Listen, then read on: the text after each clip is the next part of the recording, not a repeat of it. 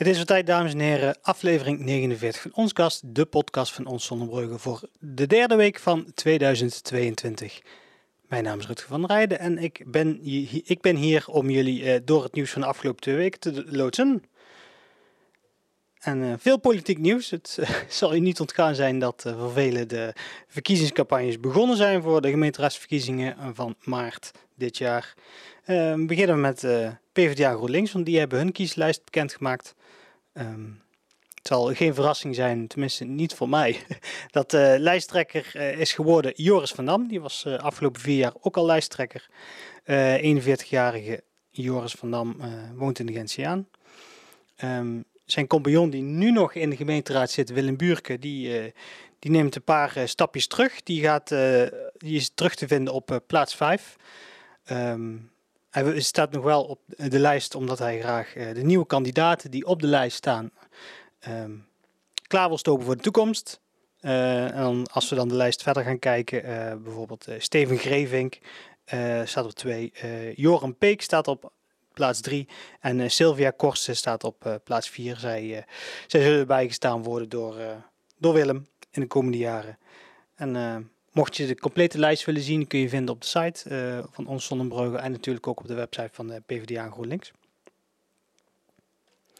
Nou, op 3 januari uh, hebben de Lions van Sonnenbreugel bekendgemaakt dat uh, de ondernemersavond die op 5 februari plaats zou vinden, ja, dat was toch iets te kort dag om dat nog te organiseren in afwachting van de versoepeling van de coronamaatregelen.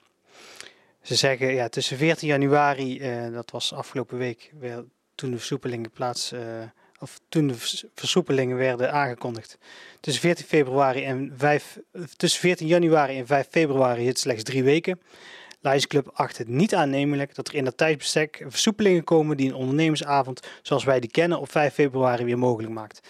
Dus dat is in de tent met iedereen aan tafel lekker eten en daarna kijken wie dat de ondernemer van het jaar, van het voorgaande jaar is geworden.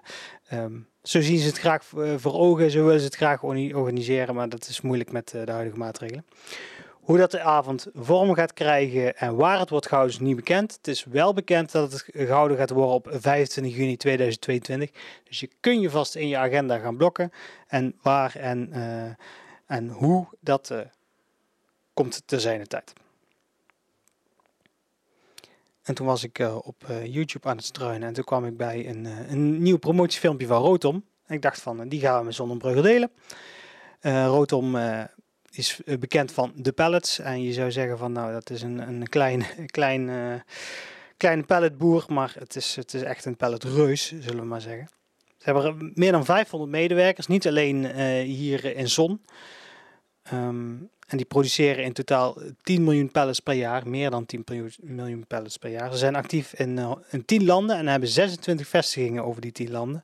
Onder andere in België, in Duitsland, in Frankrijk, in Engeland.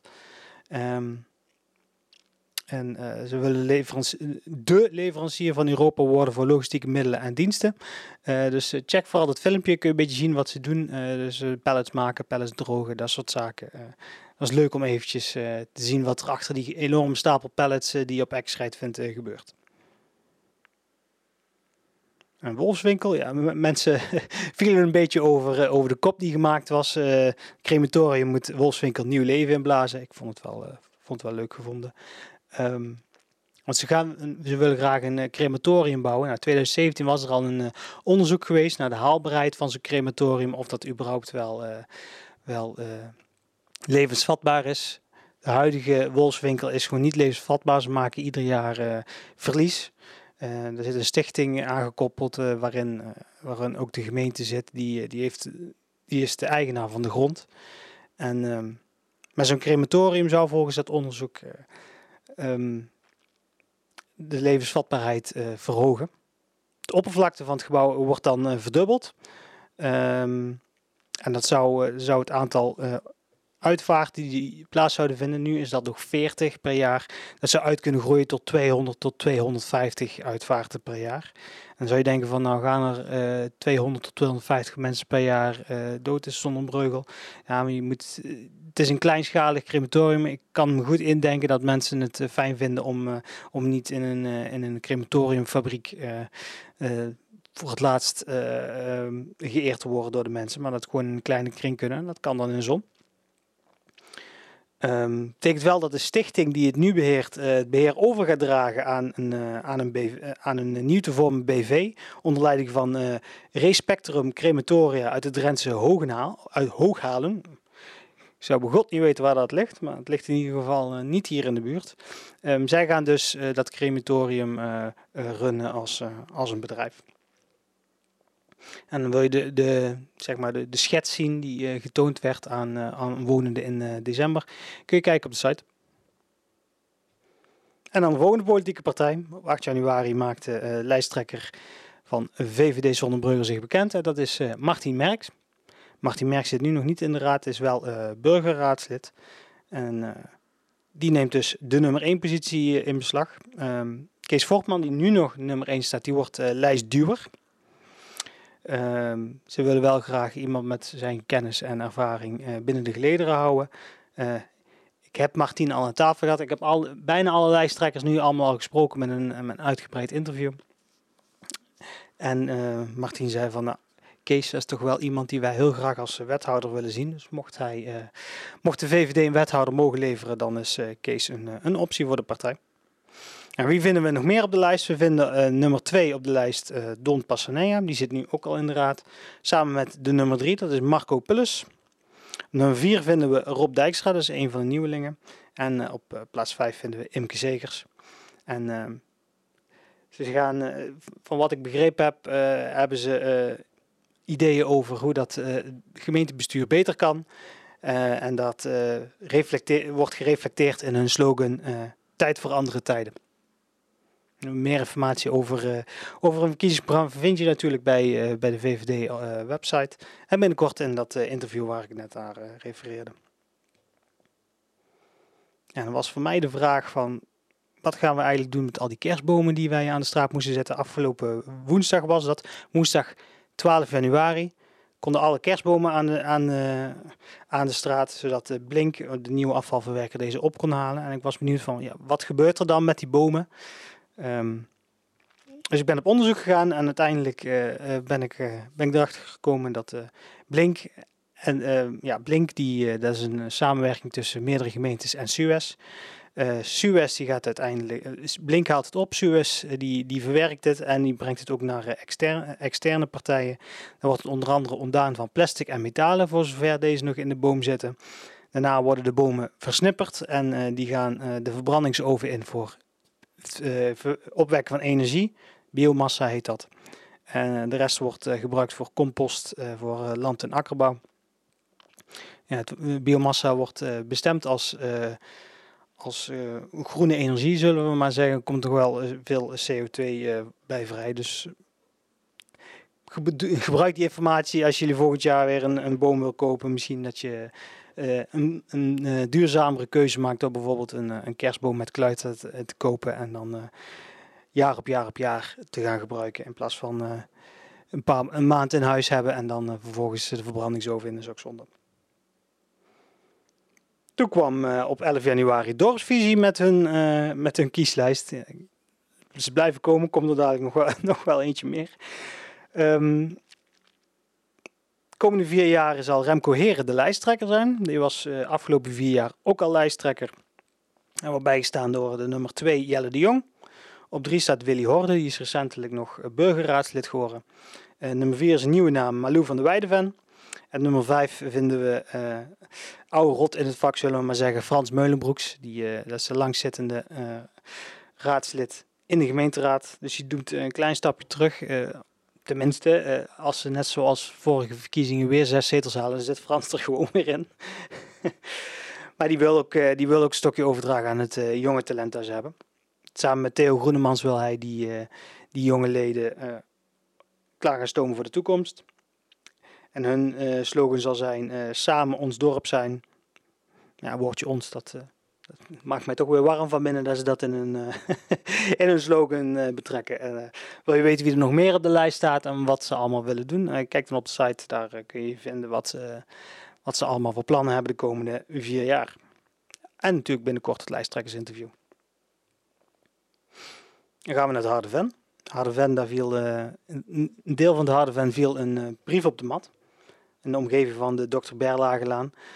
Daarin stond dat de gemeente van plan was om groot onderhoud te plegen aan de struiken die daar zitten. Zo alle struiken tot 30 centimeter hoog. Nou, hoe, groot is 30 centimeter? Nou, zo ongeveer. Degenen die meekijken. 30 centimeter. En dus het kan goed zijn dat struiken van een paar meter hoog helemaal eh, weg worden gehaald. En dat het weer jaren duurt voordat het weer een volwaardige struik is. Nou, buurtbewoners die, die schrokken daarvan. Um, dat dat uh, zou gaan gebeuren. En het, zou niet, het zou niet allemaal in één keer gebeuren. Het zou per jaar zouden er twee straten gebeuren.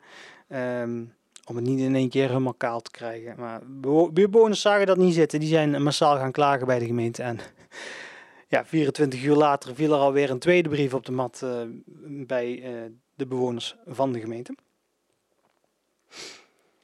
Um, de klacht dat er mensen jarenlang um, inkijk zouden krijgen in hun woning, dat was de gemeente niet in de koude kleren staan. En hebben uiteindelijk in de brief aangegeven dat zij de huidige aanpak even op pauze zetten. Dat ze doorgaan, of dat ze teruggaan naar de aanpak die ze eerst hadden. Um, dus dat betekent dus gewoon verti verticaal snoeien noemen ze dat. En dat houdt erin dat je zeg maar ja, alleen, alleen de uiteindes gaat maaien. En dat er in de toekomst gekeken gaat worden hoe, hoe het dan wel aangepakt gaat worden. In ieder geval niet meer zo rigoureus. En zo zie je maar weer als je klaagt, dan willen mensen nog wel eens luisteren. Niet altijd, maar in dit geval ja, was het toch weer de communicatie waar het aan schortte.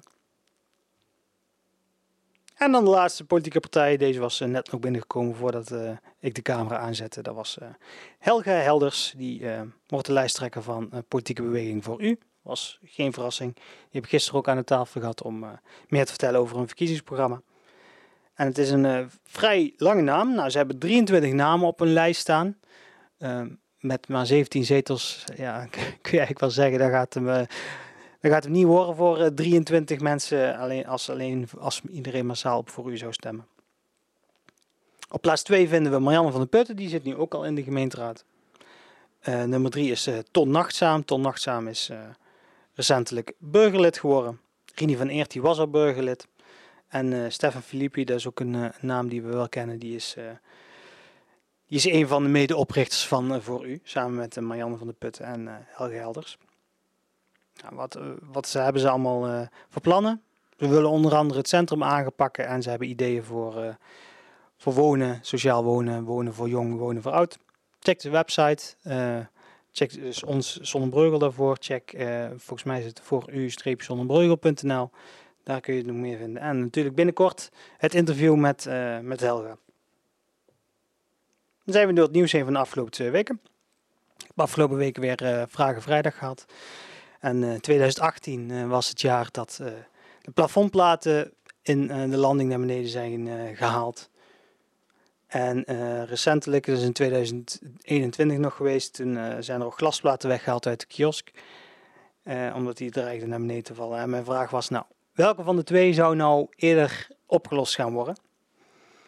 De kiosk of de landing? Nou, daar hebben precies 100 mensen gestemd.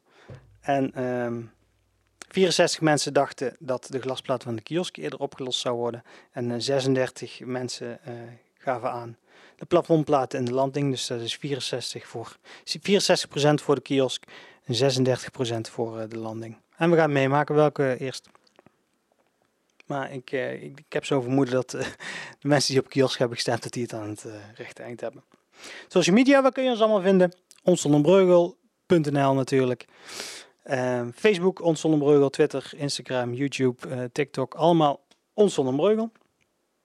Podcast kun je vinden op uh, Spotify, Google Podcast, Apple Podcast, eigenlijk overal waar dat jij jouw, eh, jouw podcast kunt en wilt beluisteren.